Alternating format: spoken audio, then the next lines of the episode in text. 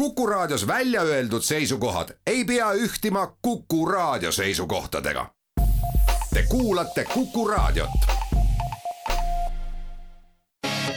kahevahel.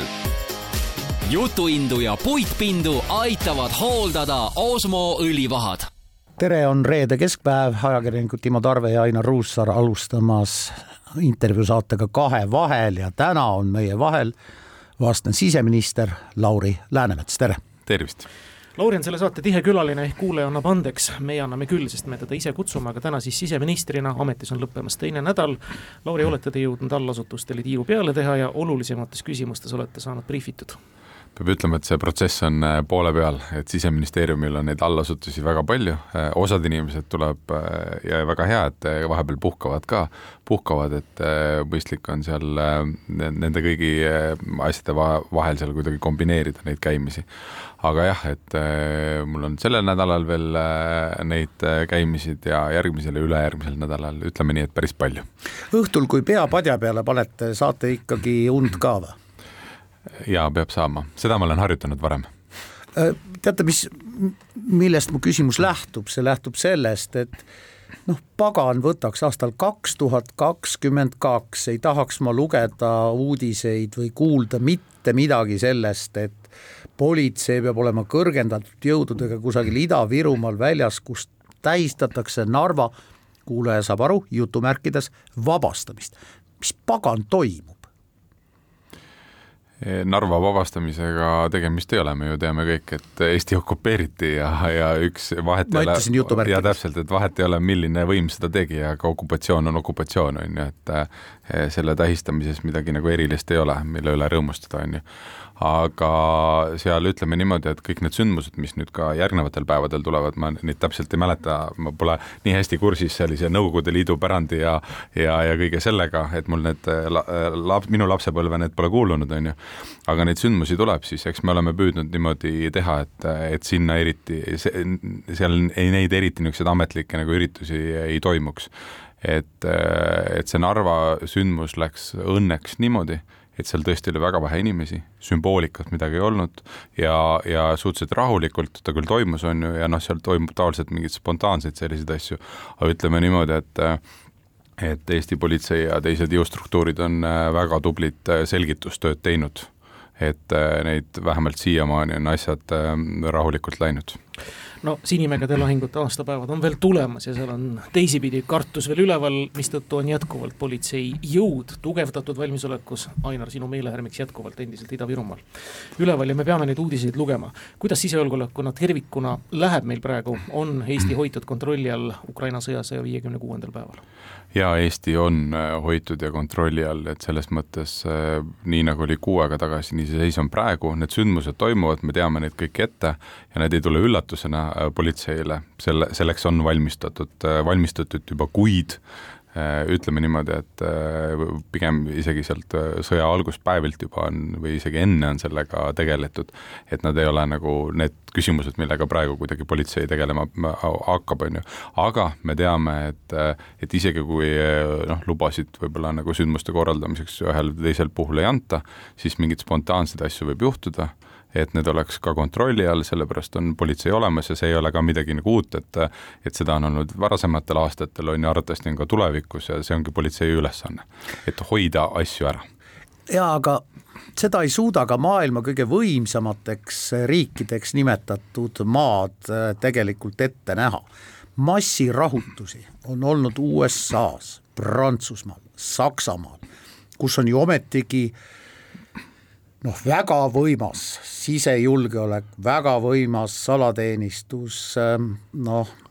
võiks ju öelda, et ajalooliselt noh, näiteks Saksamaal või Ameerika Ühendriikides äh, võiks salateenistus teada seda, mida ma oma öökapil olevasse märkmikusse kirja panen. et seda ei saa tegelikult ette näha kõiki asju saab ette näha ja, ja seal on ka poliitikutel muideks roll, et, et kuidas mingeid asju teha, et, et kas teha mõistlikult või, või käredalt peale lennata, on ju, see ka muide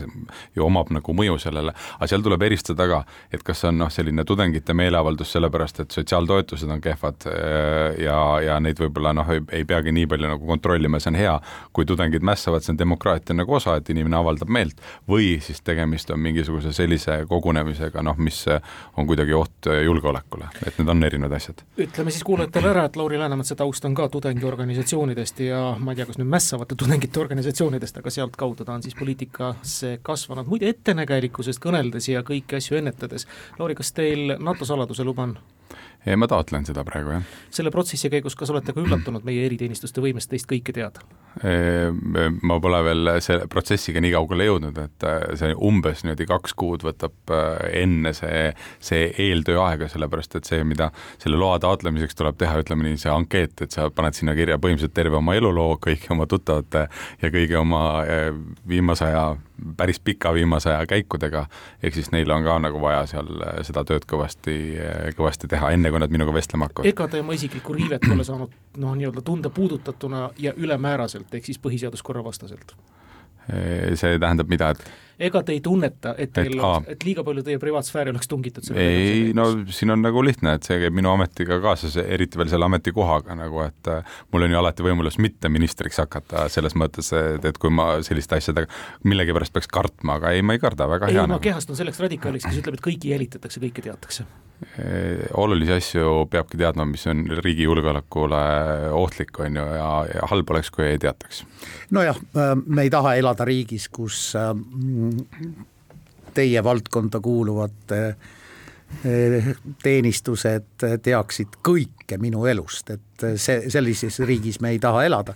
isegi KGB ei teadnud kõiki meie elust. aga ma võiks öelda, et nüüd meie elust teab Google ja Facebook kõike palju kahjuks rohkem. väga palju, et selles mõttes jaa, see on teema nagu, millega peab ka tegelema, ma olen nõus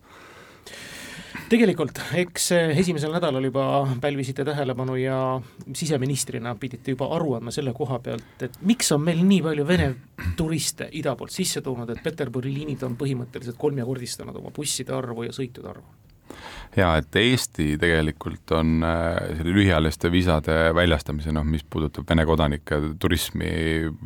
mis iganes, et või tööreise, tegelikult me oleme peatanud. et see põhjus Eesti ei ole, aga me oleme Euroopa Liidu osa, äh, Schengeni viisaruum on ju, ja kuna lennukid ei lenda ja kui ma ei tea, Saksamaa või Prantsusmaa annab äh, viisa, turism, turistiviisa või, või, või ka näiteks Soome, äh, siis äh, inimesed, äh, kellel on see viisa, neil on õigus siseneda siia Euroopa Liitu, nad teevad seda Eesti kaudu, et, et see on see põhjus. see, mis me just valitsuses äsja ära otsustasime, on nüüd kaks piirangut veel, et äh, seni varasemalt oli õigus, kes on siis äh, noh, kuskil lühiajalise viisaga siin Euroopa Liidus ringi liikumas, mõne teise riigi viisaga siis, tal on võimalus, seni oli võimalik tulla Eestisse näiteks tööle hakata, siis seda me enam ei luba, see tähendab, et, et ka sellist nii-öelda kõrvalteed ei ole võimalik kasutada Eestisse tulekuks. ja teine asi, et seni ülikoolid vabatahtlikult ei võtnud Valgevene, Venemaa tudengeid, et see on nüüd valitsuse otsusega peatatud, et enam, enam ka sellist õpirännet sisserännet äh, toimuda ei saa, aga jah, selline Eestist läbiliikumine teistesse riikidesse, see praegu on. Et äh, ja, ja seal noh, põhimõtteliselt selline nii-öelda üldine lahendus on ikkagist, et ta peaks olema Euroopa Liidu sanktsioon, et seda on meie, Eesti on teinud ja meie naaberriigid on äh, Vene kodanikele on ju selle, selle liikumiskeelu peale pannud, aga teised riigid seda Euroopas täna veel teinud ei ole, et, et seda nii-öelda ühiselt teha ühiselt teha, siis seda peaks sanktsioonina otsustama. minister Läänemets, kordan siis selle üle, et kui ma olen Vene kodanik, elan Peterburis, lähen Prantsuse saatkonda, saan Schengeni viisa, istun oma Mersusse, sõidan Ivangorodist, vabandust, Jaanilinnast üle silla Narva ja kõik on okei okay.? jah, seda saab teha täna, selle, me peame arvestama ka, et me oleme Euroopa Liidu välispiir ja noh, Euroopa Liitu, et hetkel me veel ei tea, on ju, kes nad on, et võib-olla prantslaste jaoks see viisa oli selle isiku jaoks nagu mille, millegi koha pealt oluline, meil ei ole seda infot, on ju, ja ka õigust nii-öelda hinnata nagu Prantsusmaa, Prantsusmaa enda otsuseid, on ju, aga see on see põhjus, miks arvatavasti Eesti ühel hetkel teeb nagu ettepaneku ülejäänud Euroopa Liidule Äh, siis äh, selliste sanktsioonide kehtestamiseks, et et selline reisimine ära, ära nagu lõpeks, et noh, võib-olla seal, kui vaadata naaberriike, näiteks äh, Läti poole, siis ega on võimalik ka nagu suuremat julgeolekukontrolli teha neile isikutele, kes siis ka mõne teise riigi viisaga tulevad, see tähendab, et kogu protsess piiril läheb oluliselt aeglasemaks nende jaoks ja võib-olla nad siis eelistavad mõnda, mõnda teist nagu äh, nii-öelda liikumisteed, on ju siis Euroopasse ma katsun aru saada, Eesti ei anna praegusel hetkel otsusega siis Venemaa kodanikele, Valgevene kodanikele turistiviisat. ei anna neile ka õppimise ega elamislubasid, kes seda praegu peaksid jah, täpselt. aga miks siis teised seda saavad? ja miks ei ole see asi nii-öelda ühtsena kõik või mitte midagi? see on äh, riikide otsus, et äh, see on iga riigi enda otsus, kellele ta viisasid annab, et äh, et ja kui mõned teised Euroopa riigid seda otsustavad, siis noh, see ongi küsimus nüüd täna, et miks nad seda teevad, et et ütleme nii, et õppetunde tuleb ka, soomlased ju võtsid just äsja vastu otsuse, et nad vähendavad poole võrra nüüd nende viisade andmist, et et lihtsalt see piiriületus läks nii intensiivseks seal, on ju, ja, ja Soome ühiskonnas täna debatt käib, et miks me seda teeme, et kui Ukrainas käib sõda, meil on nagu naaber, kes sõdib, on ju, kes on meie jaoks julgeolekuoht ja meie siis noh, nii-öelda laseme neid kodanikke, et lõppkokkuvõttes ju see, miks Eesti Eesti on ka peatanud selle, on, tegemist on sanktsiooniga ja tegemist on surve avaldamisega, kõikvõimalikud viisid, et survet avaldada Venemaale, et eh, see sõda Ukrainas eh, lõpeks, on ju, ja venelased sealt ära tuleks hea siseminister, hea, et te Soome küsimuse tõite, ma tahaks sel teemal kindlasti ka jätkata, aga me teeme väikese tasutud teadaannete pausi. kahevahel. jutuindu ja puitpindu aitavad hooldada Osmo õlivahad. saade Kahe vahel täna juulikuu viimasel reedel jätkab, meil on külas siseministri ametis Lauri Läänemets. Äh, viisadest äh, veel rääkides, noh, igasugused sanktsioonid ja piirangud äh, Venemaale on loomulikult kui agressorriigile minu poolt teretulnud, aga alati on erandeid. kui ma olen Vene kodanik, elan Peterburis ja minu ema, kes elab Tallinnas ja noh, on ka näiteks Vene kodanik või halli passi omanik, on väga raskelt haige, kas ma võin siis taotleda Eesti viisat, et teda vaatama tulla? teate, ma pean ütlema, et äh, ma nii, nii detaili ei oska öelda, et äh, kui Eestis tõesti lähisugulane elab ja ma ei tea, kas see on seotud selle, ma seda ei oska praegu öelda, et kas see on sellega seotud, et see lähisugulane peab kuidagi Eesti kodanik olema või noh, ilmselgelt tal on elamisluba siin, kui ta siin elab, eh, siis jah, praegu täna on võimalik ka tulla sellisel juhul, kui ta raskesti haige on, niimoodi külla tõesti, siis on võimalik jah, et need humaanses, humaansed kaalutlused on sinna jäetud, et ja seal ma arvan, et kellegi elupäevade lõpp, et võib-olla seal on eh, teatud õigustus olemas erisused on niisiis sees, nii nagu ka siis Euroopa Liidus, kas Eesti on ainukene, kes on keeldunud Vene kodanikele viisased andma, tahtsin ikka loetleda üles, kes need mustad lambad on, kes siis lubavad venelasi eurooplasse praegu? et äh, suure tõenäosusega vot äh, kogu nimekirja ma pole pähe õppinud, aga ma tean, et äh, Baltikum, Poola, Eesti on ju, et noh, selles mõttes me oleme nagu ühtsed, on ju, et see Ida, Ida-Euroopa ühtsus siin töötab aga soomlased, kes eh, nüüd küll vähendasid, eks ole, poole võrra viisade andmist, tulenevalt siis tõesti survele idapiirile, see, mis Soome ühiskonnas toimub praegu idanaabrite suhtes, venelaste suhtes, eh, selle kohta on lugeda saanud, see on põhimõtteliselt tühistamiskultuur, venelasi ei taheta teenindada, neile ei taheta kaupa müüa. Ja, ja selliseid asju, öelge, kui me läheks ka seda teed ja läheks noh, nii Vene vihkajalikuks praegu tänu, tulenevalt Ukraina sõjast, nagu seda on soomlased, kellel ilmselt on ka ajalooline taak, vähe sügavam kui meil, talvesõda ja kõik nii edasi, et mis endaga kaasa tuua võiks? Vot eh, jah, kuidas see Soomes eh, juhtunud on, ma ei oska seda kommenteerida, ma selles mõttes Soome spetsialist ei, ei ole kahjuks, aga aga ma ei tea, et et ma, ma sellest nagu aru ei saa, et sellel ka nagu pole põhjust, et, et kui on julgeolekuoht, on ju, kui sa ei taha Eestis olla, siis on nagu ühed küsimused, aga meil on väga palju inimesi, on ju, kes rahvuselt on venelased, aga tegelikult kuuluvad Kaitseliitu, on ju, on Eesti kodanikud, tegelikult Eesti patrioodid ja ja on valmis igal hetkel ka rindele minema, et noh, ma ei tahaks, et et nüüd need inimesed kuidagi kahvlisse satuvad, et et selles mõttes me hakkame siis neid, kes täna on meiega nii-öelda endast eemale lükkama, see ei ole üldse tark tegu aga miks me üldse maismaapiiri kinni ei pane, nii nagu õhuruumi, nii nagu sadamaid?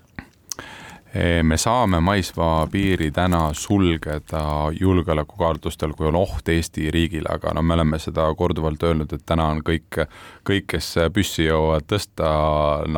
ütleme nii, Eesti piiri tagant on viidud ukrainlasse, et seda oot-, oot-, otsest ohtu hetkel ei ole. ja teine asi on, et on Schengeni ja Euroopa Liidu välispiir on ju, meil on seal teatud kohustused, et neid me ei saa üksinda, üksinda nii-öelda vastu võtta. kas me peaksime kuidagi julmemalt suhtuma nendesse äh siin elavatesse Vene kodanikesse, kes noh, aeg-ajalt ikkagi tõstavad nagu nina püsti ja, ja räägivad noh, paremal juhul Ukraina, halvemal juhul Eesti vastast juttu. Aga nendega peab äh, selles mõttes tegelema, et küsimus on see, et kas ta teeb seda sellepärast, et ta on äh, vales nagu nii-öelda inforuumis või tal on äh, juba välja on kujunenud noh, mingisugune selline väga konkreetne seisukoht, kui on väga konkreetne seisukoht, siis selliste inimestega äh, tegelikult ütleme nii, et tegeletakse, et neid noh, vaadatakse, kui sealt tulevad kaebused, on ju, ja, ja, ja, ja, ja püütakse noh, kõike teha, et seda julgeoleku nii-öelda riski vähendada ja kui seal on suured, äh, mingisugused suuremad probleemid, mis iganes, et, äh, et on väga nagu selge oht, on ju, et siis selle jaoks on vastavad protseduurid olemas mis on veel need hoovad, millega me saame mõjutada ja natukene paremaks teha meie julgeolekut kas või näiliseltki? relvade lubade ülevaatamisega on juba alustatud Vene-Valgevene kodanike puhul ja neid relvalubasid on tühistatud. mis veel annab tühistada, mis on meie seadusandlikud võimalused, ilma et me rikuks mingit Euroopa korda? tööload, elamisload? Ja elamislubasid võib vabalt üle vaadata, aga see probleem selles mõttes laheneb ise ära, et elamisload on tähtajalised äh, siin või noh, nii-öelda viisad siia on äh, tähtajalised, vabandust, et elamis, elamislubadest, elamisload on vist võib-olla nagu keerulisem küsimus, et et sinna sisse vaadata, et sellega ma nii hästi kursis ei ole. aga noh, viisade pool tegelikult saab ka tühistada, aga ma ütlen, et noh, võib-olla pole mõtet, sellepärast et lühiajaliste viisade puhul nad äh, jupikaupa lõpevad siin ära lihtsalt väga paljude inimeste jaoks jaoks, on ju, et et nad ei saa siin olla, mis puudutab neid relvi,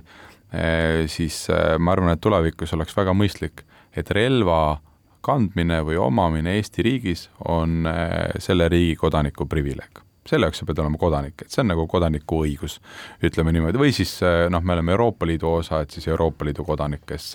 kes siin Eestis on, on ju, et kõigi teiste jaoks neil on võimalus kui nad tahavad relva omada, siis äh, nad peavad püüdlema selle poole, et nad äh, oleksid Eesti kodanikud, selle jaoks on noh, me teame kõik, et selle jaoks on midagi vaja, vaja teha, on ju, õppida keelt, äh, tunda kultuuri ja, ja austada nagu seda riiki ja riigi korda, on ju. Ähm,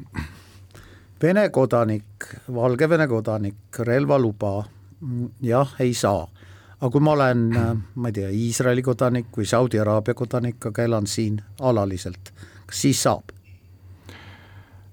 Hetkel vist äh, ta ei ole keelatud, ma nüüd äh, võin, vot ma ei ole uue siseministrina detailidega, detailidega on ju nii hästi kursis, aga minu teada vist äh, võib ta olla, aga nagu ma ütlen, et mille poole me võiks püüelda, kui me nüüd seda koalitsioonilepingu punkti siin täidame, siis ma arvan, see loogika võiks olla see,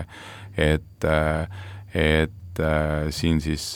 noh, Eesti kodaniku privileeg, Eesti kodaniku või Euroopa Liidu kodaniku privileeg on see Te olete ajakirjanike jaoks väga hea materjal, sest te olete nii vähe aega olnud äh,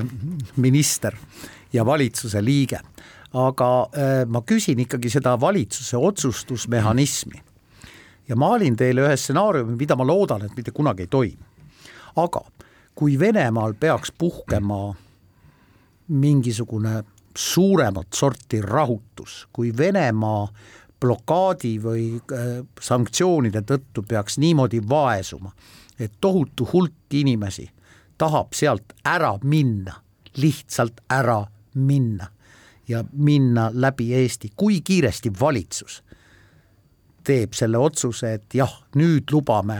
neid vaeseid nälginud inimesi, ma loodan, et see stsenaarium ei toimi mitte kunagi, aga kui kiiresti valitsus suudab sellise otsuse teha? Nad ei saa ära minna läbi Eesti praegu, et kui selline asi peaks juhtuma ja, ja meil Riigikogu just võttis vastu ka seaduse, mis võimaldab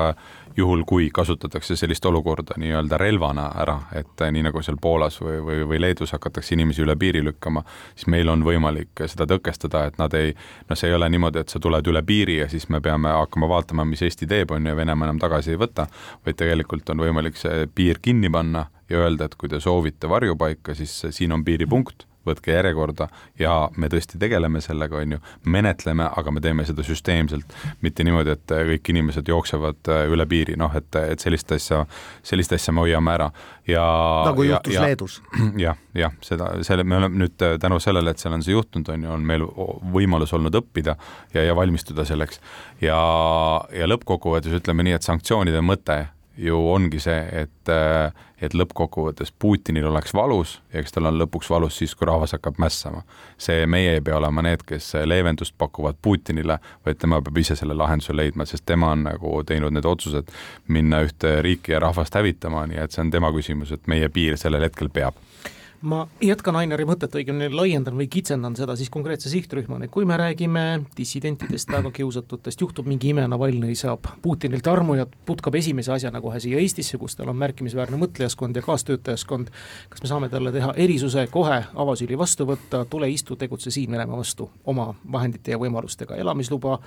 tööluba on sul siin antud. Navalnõi on hea näide ja ma arvan, et selliseid asju peabki nagu kindlasti neid erandeid peab vaatama et, et kui meil on võimalik anda hoogu juurde sellele, et kuidagi Putini tool hakkab kõvemini kõikuma, siis me peame seda alati tegema aga kas meie kontrollimehhanism on ikkagi piisav, et noh, režiimivastaseid võib olla teisigi, kes eh, noh, ütlevad ja ütlevad, et blogis sõimavad Putinit, aga tegelikult täidavad mingit muud ülesannet Üt,. ütleme nii, et see kontroll on äh, päris piisav ja mitte ainult siis äh, selliste nagu erandite puhul, vaid tegelikult, et täna kõik, kes ikka Eestisse tulevad, piiri ületavad, et seda tehakse, seda, seda kontrolli, miks nad tulevad siia, on ju, tehakse päris põhjalikult Neid teisiti mõtlejaid, kes siia on tulnud, on ju tegelikult ikkagi ja Eestisse jäänud, on ju tegelikult teisigi, Artjom Troitski meenub mulle kohe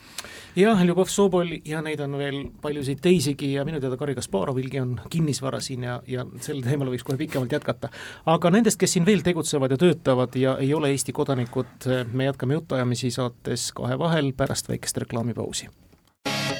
kahevahel jutuindu ja puitpindu aitavad hooldada Osmo õlivahad ajakirjanikud Timo Tarve ja Ainar Ruussaar jätkamas igareedest intervjuusaadet Kahe vahel ja täna on meie vahel vastne siseminister Lauri Läänemets. Lauri, siseministeeriumil on üks väga oluline osakond, see on usuasjade osakond, toimetab, teeb ja vaatab, et kõik oleks ilusti seaduspärane ja no vahva. ja Eestis üks eh, suurema järgiskonnaga konfessioone on õigeusk, täpsemalt siis Moskva patriarhaadi Eesti õigeusu kirik. selle pea, metropoliit, on Venemaa kodanik. Ehm, tööloaga seejuures ja kui nüüd peaks tekkima küsimus tööloa peatamisest ja kõigest muust säärasest, aga tegemist on nõnda mõjuvõimsa isikuga kiriku pea otsas väga paljude otseste inimeste mõjutajatena ja me teame,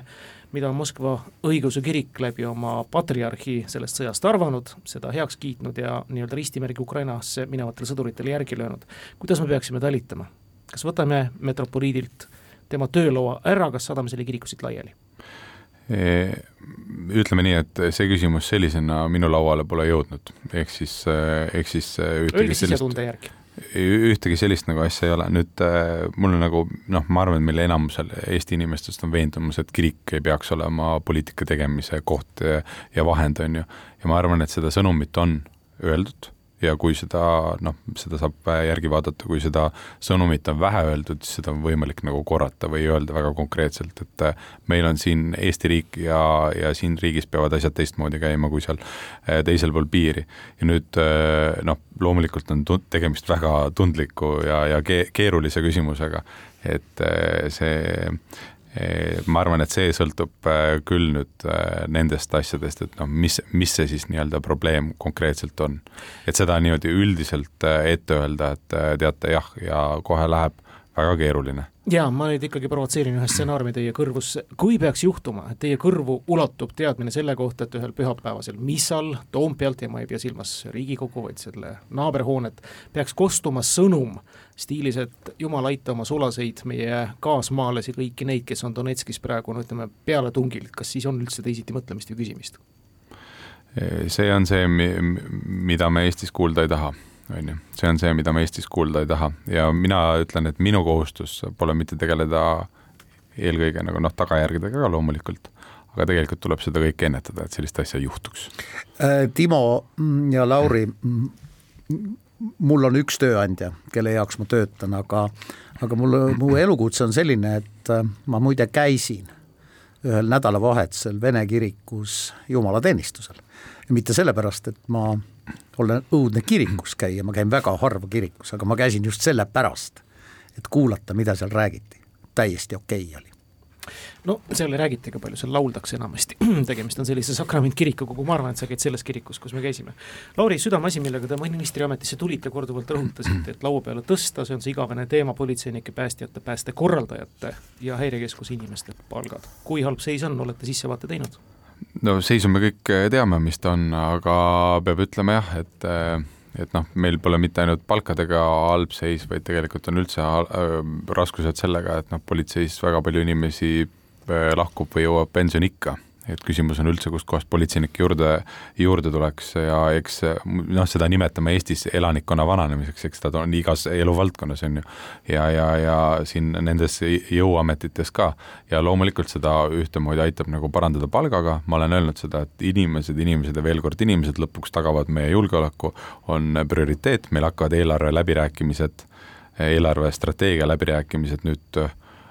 ütleme niimoodi jupikaupa pihta siin järgmisest, ülejärgmisest nädalast. Ja need on äh, need kohad, kus kohas me need ettepanekud äh, teeme, et ma ütlen, enda protsessiga ma olen jõudnud nüüd tutvuda sellega, mis eelmine minister, millised nii-öelda valmistused tegid, tegi, ma olen neid praegu hetkel üle vaatamas, eriti seda palkade osa et,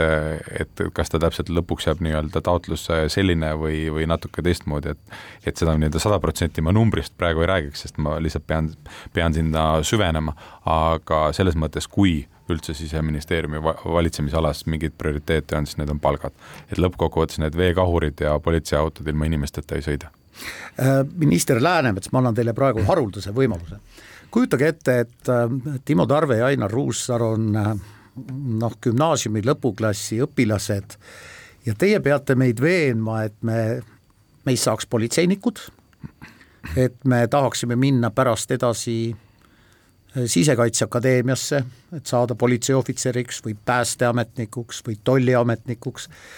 et kuidas te meid veenate? ma ei tea, ma mm, käisin just, jah, ma käisin just eh, teisipäeval eh, Päästeala noortelaagris et, et kus oli kakssada noort ka, äh, koos ja noh, seal mitte ainult nii-öelda Päästeamet, vaid, vaid ka politsei kiirabi teemad, kõik seal olid sees. ja nende tagasiside oli väga positiivne selle koha pealt, et sa pead ikka sellele lapsele noh, sõna võib ka töötada, on ju, eeskuju võib töötada, aga kõige parem on see, et kui sa annad nagu võimaluse käsi külge panna. sest reaalselt need lapsed, kes on käinud seal laagrites, on juhtumeid, kus kohas on tulekahju, ema-isa mõtlevad, mida teha, äh, väike laps läheb, võtab tulekustuti, teine esita-, helistab Päästeametisse või on seal täpselt, ongi need lapsed, kes laagrist on tulnud, on elupäästjad reaalselt nad teavad, mida teha, on ju. ehk siis äh, selliseid ringe ja tegevusi on üle Eesti, aga kõige mõjusam on see, et anda käsi võimalus käsi külge panna, jah. õpp, õppimine läbi tegevuse no pensioneeruvate politseinike probleem ei tohiks enam idee järgi ju probleem olla, Vabariigi Valitsus on selle otsuse vastu võtnud, et ka pensionieas politseinik saab jätkata tööd ja sealhulgas ei kaota oma pensioni, vaid vastupidi, saab ka seda siis kõrvalt juurde, kas ei ole see siis mõjunud või? Seal eh, eks me näe, et nüüd see, nüüd need tähtajaks, tähtajad siin jõuavad kätte, on ju, et, et mille järgi need inimesed otsuseid saavad teha, aga lõppkokkuvõttes on inimese enda otsus. et eh, see, kui inimene tahab eh, pensionile minna, me oleme kokku leppinud ühiskonnas, et tal on see võimalus, siis ta saab seda teha, loomulikult me peame proovima häid inimesi ikkagist hoida ja, ja loomulikult me proovime seda teha, aga, aga noh, inimestel on enda valikud, on ju. kuulge, mis on politsei töös täna kõige olulisem teie kui siseministri arvates?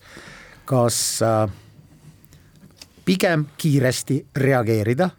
või pigem ennetada, hoiatada, olla nähtav, noh, sealsamas Narvas näiteks, et vaadake, ma olen Eesti politseinik, ärge siin püüdkegi mingit jama teha, eks jah, ma arvan, et äh, loomulikult reageerimine on ala, alati oluline, kiire reageerimine, aga see ennetuspool või see nii-öelda valmisolek või niisuguse hoiaku või kohaloleku näide on ju, et kui me võtame mingi, ma ei tea, kakskümmend aastat, siis kakskümmend aastat tagasi pigem olime noh, rohkem kiiremad reageerijad ja ma ütlen väga hästi. Ja ma ei tea, need näited või küsimused on nüüd politsei kohta millegipärast siin, et meil on Päästeamet ja kõik teised ka olemas, ehk ma ütleks, et see ennetustöö minu arvates äh, on väga fantastiline, tegelikult see ju, see noh, sa reaalselt vaatad peale, et ma ei tea, meil on nii palju nagu õnnetusi või, või surmasid või midagi niimoodi ja sa võtad strateegiliselt, et, et vähendame seda ja sa seda lõpuks teed ja see on noh, see on, see on minu arvates imekspandav, kuidas on, on seda tehtud, et eks, ehk siis kõik, mida on võimalik ennetada, seda tuleks nagu ennetada kõigepealt. mis on olulisem, kas see, et ma näen, et politsei on tänaval olemas, politseiautod, politseivormi või see, et ma tajun, aga ei näe neid? Nägema peab ka, ma arvan. Nägema mitte ainult politseid, vaid täpselt samamoodi seda Päästeametit ka, on ju, et, et eks Päästeamet ju,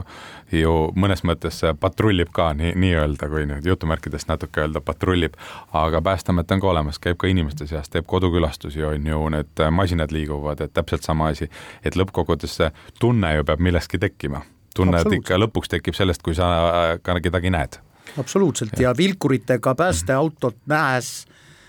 äh, noh, kellelgi on läinud halvasti, aga samas ma tunnetan seda, et nad on olemas. jah, niisugune väike aukartuse värk võib-olla ka nagu käib sinna juurde, et see ongi püha amet. see puudutab eeskätt äh, küll politseinikke, ma jälle vabandust, tüürin jutu sinna muidugi, aga Päästeamet loomulikult on hästi oluline, Päästeamet on ka otsapidi seoses, päästjate palgad, politseinike palgad on, on üks sisend meil julgeoleku hinnas tervikuna. aga seal on veel, seal on näiteks äh, päästekopterid, politseinike kopterid, kütuse hind, kolmkümmend aastat tagasi oli ju aegu, kus politseiuurija tuli sündmuskohale bussiga, sest et autol ei olnud kütust lihtsalt. ja tal ei olnud võib-olla teinekord ka autojuhti võtta ja Žiguli tulid teinekord katki. tänaste kütusehindade, energiahindade juures tervikuna, kas meid võib sama oht ähvardada, et lihtsalt ei ole ressurssi politseinikel, päästjatel tegemaks oma tööd? loodame, et seda ei juhtu, et tõesti need hinnad on kallimaks läinud ja see on ka küsimus, millega ma praegu tegelen et otseselt, et, et seal on loomulikult eelarve oli eelmisel aastal tehtud äh, teistsuguste kalkulatsioonidega, kõik on kallimaks läinud äh, ja seal tuleb nüüd vaadata, et kuskohast need, kuskohast me selle raha leiame, et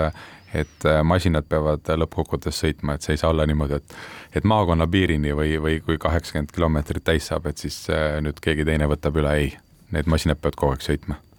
jah, ja sama lugu puudutab ka masinad õhus, mis on väga kallid, sõitma. kas te teate, palju meil praegu on õhuvahendeid? Ei, äh, ma nii detaili ei oska nagu öelda. Aga no ilmselgelt on neid olnud liiga vähe ja loodetakse ja on olnud aegu, kus kumbki nii-öelda politseikopter pole saanud sõita, sest üks on hoolduses ja teine on noh, mingil muul põhjusel ta lihtsalt ei saa, sest et ekipaaž ei saa peale minna et seda olukorda ei tohi tekkida, kus meil ei ole lihtsalt ei päästevõimekust, nagu ja, eelmisel aastal muide tekkiski metsatulekahjude aegu. nii nagu ma aru saan, no vot küsimus on ka kopterite arvus ja kõiges muus, sellepärast et kopter peabki olema hoolduses ja nüüd on seal, üks on selline põhjalik hooldus, sa ei saagi, nad ei tohigi olla õhus ilma nende põhjalike hooldusteta, ehk siis noh, ta peabki olema kombineeritud, põhimõtteliselt ongi üks kopter, mis kogu aeg on valmiduses, üks on võib-olla väiksemas sellises hoolduses ja teine on nagu sellises põhjalikus hoolduses, et nad käivadki nii, nad ongi sellised masinad. kuhu ma tahtsin juttu tüürida, kas me, me ei tohi lasta tekkida olukorda näiteks nagu eelmisel aastal Kuno Tammeaar on seda hiljuti tunnistanud, oligi olukord tänu metsatulekahjudele ei olnud nii-öelda reaalsetele sündmustele tegelikult vahepeal kedagi saata, jumal tänatud, et midagi ei juhtunud. ja ei, seda olukorda ei tohi lasta tekkida. Me arutasime, oleme arutanud siin koalitsioonilepingus on ka sellise ühtse ühtse Eesti laevastiku, et see ei ole ainult õhusõidukid, on ka meresõidukid, on ju loomine, et kus kohas meil on täna, on, ma ei tea, Eesti lootsi, lootsi nagu kaatrid ja politseikaater ja siis on veel eh, ma ei tea, seal mingi keskkonna, keskkonna nende uurijate ja se-, seirajate nagu laevad kõik istuvad või sadamas nagu üksinda, et et tegelikult me püüdleme ka sinnapoole, et ka seda merepääste eh, või võimekust siis parandada, ühtmoodi annab kokku hoida, aga teistmoodi annab sulle oluliselt rohkem nii-öelda aluseid, millega välja sõita, kui üks on näiteks tegevuses kuskil. Läheme siinkohal jälle väikesele pausile ja seejärel jätkame saadet Kahe vahel. kahevahel. jutuindu ja puitpindu aitavad hooldada Osmo õlivahad head kuulajad, reedene Kahevahel saade jätkub, täna meil on külas siseminister Lauri Läänemets ja need meie ajakirjanikud Ainar Ruussaar ja Timo Torve jah, minister Läänemetsaga ei ole kerge istuda siin toolil ja olla ülekuulatav ja ise olla siseminister, aga ma küsin teilt, miks te naerate? see kõlas jah hästi aga miks te äh,, ma küsin teilt niimoodi äh,. loomulikult äh, on siseministeeriumi juhitav valdkond meie turvalisuse jaoks väga oluline, nagu ka kaitsevägi. Aga see kõik vajab raha äh, kui te kujutate ette, et te oleksite valitsuse istungil ja tõepoolest te suudate tõestada, et teil on rohkem raha vaja, millise ministri rahakotist te seda raha võtaksite? mitte isiklikust rahakotist. aga miks peab äh, võtma kellegi teise rahakotist, et lõppkokkuvõttes äh, see kuidagi arusaamine siin nendes eelarve, eelarvedebattides on selline, et riigil on teatud hulk äh, raha eelarves. ei no, et ja... võtame keskkonnakaitsest natuke vähemaks, paneme natuke. aga selle arusaamise minu arvates viga ongi see, et kogu aeg, et meil on nüüd, ma ei tea, tegime koalitsioonilepingu, sellel on selline hind, aga vaadake, eelarve on selline. ei ole nii, eelarve on poliitiliste valikute küsimus. seda on võimalik suurendada, seda on võimalik vähendada, ehk siis ei pea olema nii, et sa kellegi arvelt võtad, vaid võib-olla on võimalik ka teha mõni teine kokkulepe, kustkohast, äh, kustkohast seda raha nagu juurde tuleb mis iganes, kas see on mõni maksumuudatus äh, või see on mingi, mingi protsessi tõhusamalt äh, tegemine, et makse rohkem laekuks või midagi sellist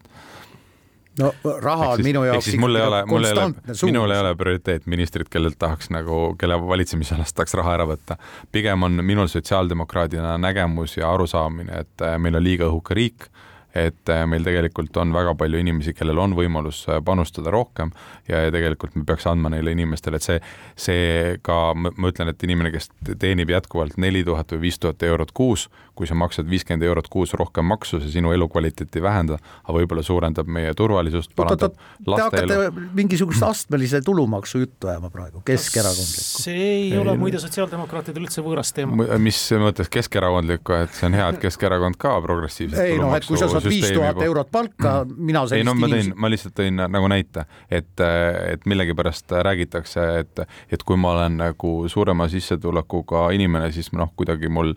tohutult see see nii-öelda haavab mind, ei haava nagu, et ma arvan, et ei haava. et eh, panustamine ühiskonda peaks olema auasi, et millegipärast seda väga paljud näitavad, et see on kuidagi karistus, mina ütlen, et me peaks hoopis tunnustama selliseid inimesi.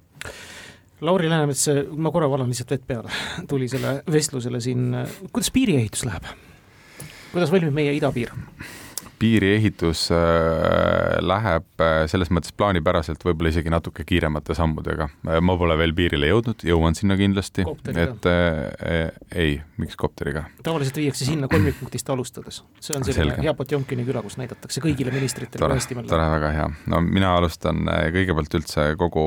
kogu oma nii-öelda piiriga kokkupuudet Narvast esmaspäeval tegelikult, et et ja seal ühest piirikordonist, mis on väga oluline nii-öelda osa sellest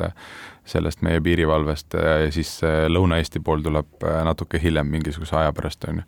aga jah, me tegeleme sellega, et, et kogu seda elektroonika küsimust seal veel nagu paremaks teha, on ju, et seal ei ole ainult mitte küsimus seadmetes, vaid selles ka, kui targaks seadmed tehakse, ehk siis, et ta,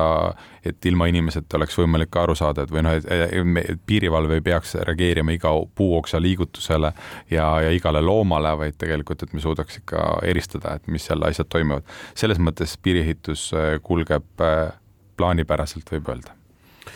Meil on üks dokument, see on siis siseturvalisuse arengukava kaks tuhat kakskümmend kuni kolmkümmend, eks seda dokumenti täiendatakse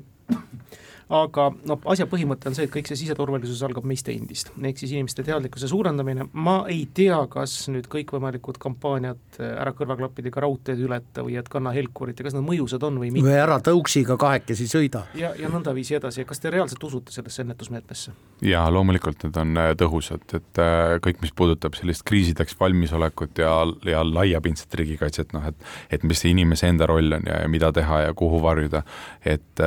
Päästeameti eestvedamisel tuleb see ka kampaania nii-öelda laine ka selle aasta lõpupoole, järgmise aasta alguses. Ja sellel on mõju, on ju, mis tähendab, et inimesed peaks saama omale koju trükise, mida teha, kuidas teha, kuidas valmis olla, on ju, eh, videomaterjalid, kõiksugu muud sellised teavitusasjad, et selle kõigega me tegeleme. muideks see laiapindne riigikaitse, just, just selle koha pealt, mitte ainult see sõjaline pool, vaid nüüd see teine pool, on mul üks eh, selline südameasi eh, ka, et selle lühikese ajaga ma kõike ära ei tee aga ma arvan, et sinna vundamenti nii-öelda, selle küsimuse vundamenti saab päris palju panustatud, et et meil on ka see koalitsioonilepingus prioriteet, ma arvan, et see eel, eelarvestrateegiat teeme, on üks prioriteetidest, ehk siis, ehk siis sinna kindlasti raha tuleb ja, ja ma loodaks jõuda ka veel nii kaugele, et meil tsiva-, selliste äh, tsiviilkaitsekursuste mingite kontseptsioonideni või, või et kuidas see kõige tavalisem inimene, kõige tavalisem inimene, kes ei taha olla naiskodukaitse või, või kaitseliitlane või ei ole abipolitseinik, aga see kõige tavalisem inimene saaks ka koha, kus kohas ennast targemaks teha ja valmistuda. minister Läänemets, vaadake mulle silma. Raadiokuulajale, minister vaatab mulle silma. kas teil on kodus seitsme päeva toidu ja joogivee varu? Peaaegu on, et äh, mul on see, mul ei ole see, äh, see pakk, noh, seal on mingid erinevad versioonid on ju, et ma olen konservidega nagu toimetanud mu konservid on vahetuses nagu, et äh, need käivad niimoodi ja see on üllatavalt kiiresti peab ütlema, et kui sa oled midagi varunud, siis tundub, et see oli alles eelmine aasta, aga siis kui hakkad kuupäeva vaatama, on kõvasti aega mööda läinud. ma olen püüdnud olla see, kes on valmis Lauri Läänemets on tugeva kaitseliitlase taustaga vabatahtlik kogukonda panustaja olnud oma eelmises ministri eelses elus ja võib-olla siis jätkab seda ka ministriameti kõrvalt. kuhu ma tahan jutuga tüürida, on see, et meil on kiiduväärselt suur hulk kaitseliitlasi, meil on kiiduväärselt suur hulk abipolitseinikke, vabatahtlikke pritsumehi, kes teevad kahekümne nelja tunniseid vahetusi, kas see ongi meie tulevik, et kogu meie siseturvalisus põhinebki vabatahtlikkuse alusel? nagu me Ukrainast näeme, siis äh, tegelikult kriisides on see vabatahtlik äh,, vabatahtlik panus äh, väga oluline, on ju. kus ma tahan liikuda, on see, et me leiame siit ettekäände, aga vabatahtlikud, tehke, me võtame hoopis siseturvalisusest raha ära. ei no seda ettekäänet ei tohiks nagu kasutada, et see kuidagi ei saagi olla ettekääne, et noh, politseid lõhemaks lihvida, no ma ei kujuta ette, et seda võimalik oleks, et minu arvates, see arvamus on mul kogu aeg olnud, et, et valest kohast on lihvitud. ja seda ma jätkuvalt nagu ütlen, et, et see ongi meie õhukese riigi mure. et vaadatakse eel-, öeldakse, meil on selline eelarve, midagi teha ei saa ja, ja kärbime, on ju, et eelmine valitsus kärpis. eelmine valitsus kärpis siseturvalisust, kärpis, kärpis riigikaitset, on ju, kaitseväge, Kaitseliitu, et me nüüd selle koalitsiooni tegemisel leppisime kokku, et neid kärpeid ei tee et äh, lihtsalt ei ole võimalik niimoodi riiki üleval pidada, et, et lõp-, lõpuks ma ei tea, kus kohas viimane kustutab tule, et viimane on siis nagu Stenbocki majas, et paneme selle ka ühel hetkel kinni. no sa jõuad lõpuks sellisesse olukorda välja, et ei, et kui kuskil on vaja panustada, siis, äh, siis seda tuleb nagu teha, on ju. ja lõpuks, öelge, kas me võime ennast tunda turvaliselt? siseminister Lauri Läänemets. jah, me võime ennast tunda turvaliselt, aga ma ütlen selle aga ka juurde ära, see alati sobib nagu või alati, alati öeldakse aga, aga et eh, me ei peaks nagu lorberitele puhkama jääma, et tegelikult et eh, mida me Ukrainas näeme, mida me tegelikult ka ennem teadsime, aga nüüd teadvustatakse rohkem, igal inimesel turvalisuse loomises on ka oma koht ja roll. Ja tegelikult oleks hea see selgeks teha, on ju, ja püüelda sinnapoole see on tõepoolest siseturvalisuse jutu lõpuks, ma ei saa ikka küsimata ja torkimata jätta, Lauri, viimase kahe valitsuse, Jüri Ratase juhitud valitsustele esitatud peamine küsimus oli, lemmikküsimus oli, kuidas on valitsuskoalitsiooni tervis? küsin teie käest seda kuidas noor, noor, noortel nii-öelda äsja ellu astunud lastel on ka tervis väga hea. peaminister otsustas minna kohe puhkusele, ma ei tea, kas koalitsiooninõukogu istungid on toimunud? teate, see on hea, et peaminister puhkusele läks, et, et ega kui sa poolteist aastat pole puhanud, minu arvates praegu on õige hetk puhata, et november võib olla palju keerulisem. see ei olnud etteheide. selliseks asjaks. kas koalitsiooninõukogu on saanud koos käia, töiselt teemasid arutada ja, ja mingeid vudelisi pole tekkinud? ma pean tunnistama, et me oleme peaministriga suhelnud ka siis, siis, kui ta on puhkusel. aga seda mõtet ei ole tekkinud kiusulikult, et kuulge, äkki küsiks lisaks koalitsioonileppele vot viiskümmend eurot sinna juurde? Ei, seda me saame eelarvestrateegia tegemisel ju arutada, see ongi see koht, et noh, see protsess on alanud, kus kohas me,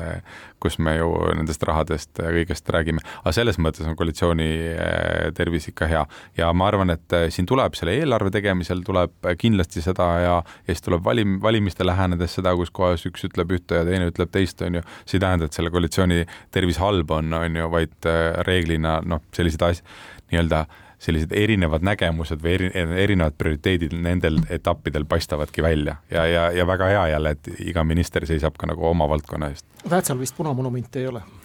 Ei, Väätsal punamonumente ei ole, Türi vallas küll on. Türi vallas küll on, ma ei tea, mis sellega tehakse, ma tean, et Türi vald mõtleb praegu intensiivselt sel teemal. no ettepanek on tehtud Ja sellele komisjonile. ette, erakonnakaaslane Katri Raik kaitseb praegu Narvas eh, tankimonumenti, rahvastikuminister lubab sisse anda seadusemuudatuse, naiste catch käib, mis on teie seisukoht siseministrina? meil on äh, üldse niimoodi, et äh, valitsuse komisjon, mis tegeleb äh, nüüd nende punamonumentidega ja, ja sõjahaudadega, tegelikult äh, analüüsib kindlasti nii seda tanki, kui ka ma ütlen, et äh, see tank ei ole ainukene selline sümboolne monument Narvas, et neid on veel, selliseid punamonumente, et ka nende, nende peale mõeldakse ja, ja ka, ka nende peale, mis äh, Tallinnas on, on ju, ja seal äh, tõesti on väga palju spetsialiste ka kaasatud, on ju, alates muinsuskaitsest, lõpetades,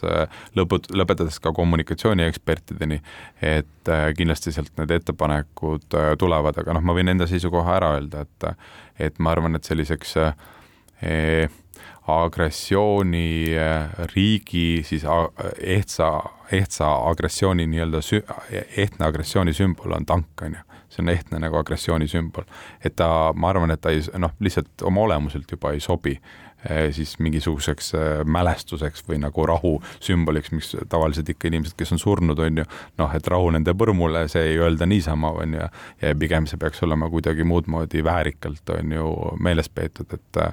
et eh, ma arvan, et see komisjon ühel hetkel võtab selle, tähendab, mis mitte ühel hetkel võtab, ta võtabki. Kõik, kõik punamonumendid Eestis, eh, need registreeritakse, vaadatakse, mis on ja seal tehakse plaan siis, et kuidas ja mismoodi nendega edasi tegutsetakse tank kuulub muuseumisse, täpselt samamoodi nagu omal ajal Narva tegi targasti ja viis Lenini kuju Hermanni kindluse õuele, sest see on muuseum ja jumala pärast. Lauri Läänemets, aitäh teile tulemast, jõudu-jaksu sel palaval suvel ja nii-öelda oma allasutustega tutvumisel ja nii-öelda tervikuna siis teemadele ringi peale tegemisel, aitäh tulemast! aitäh! kahevahel. Jutuindu ja puitpindu aitavad hooldada Osmo õlivahad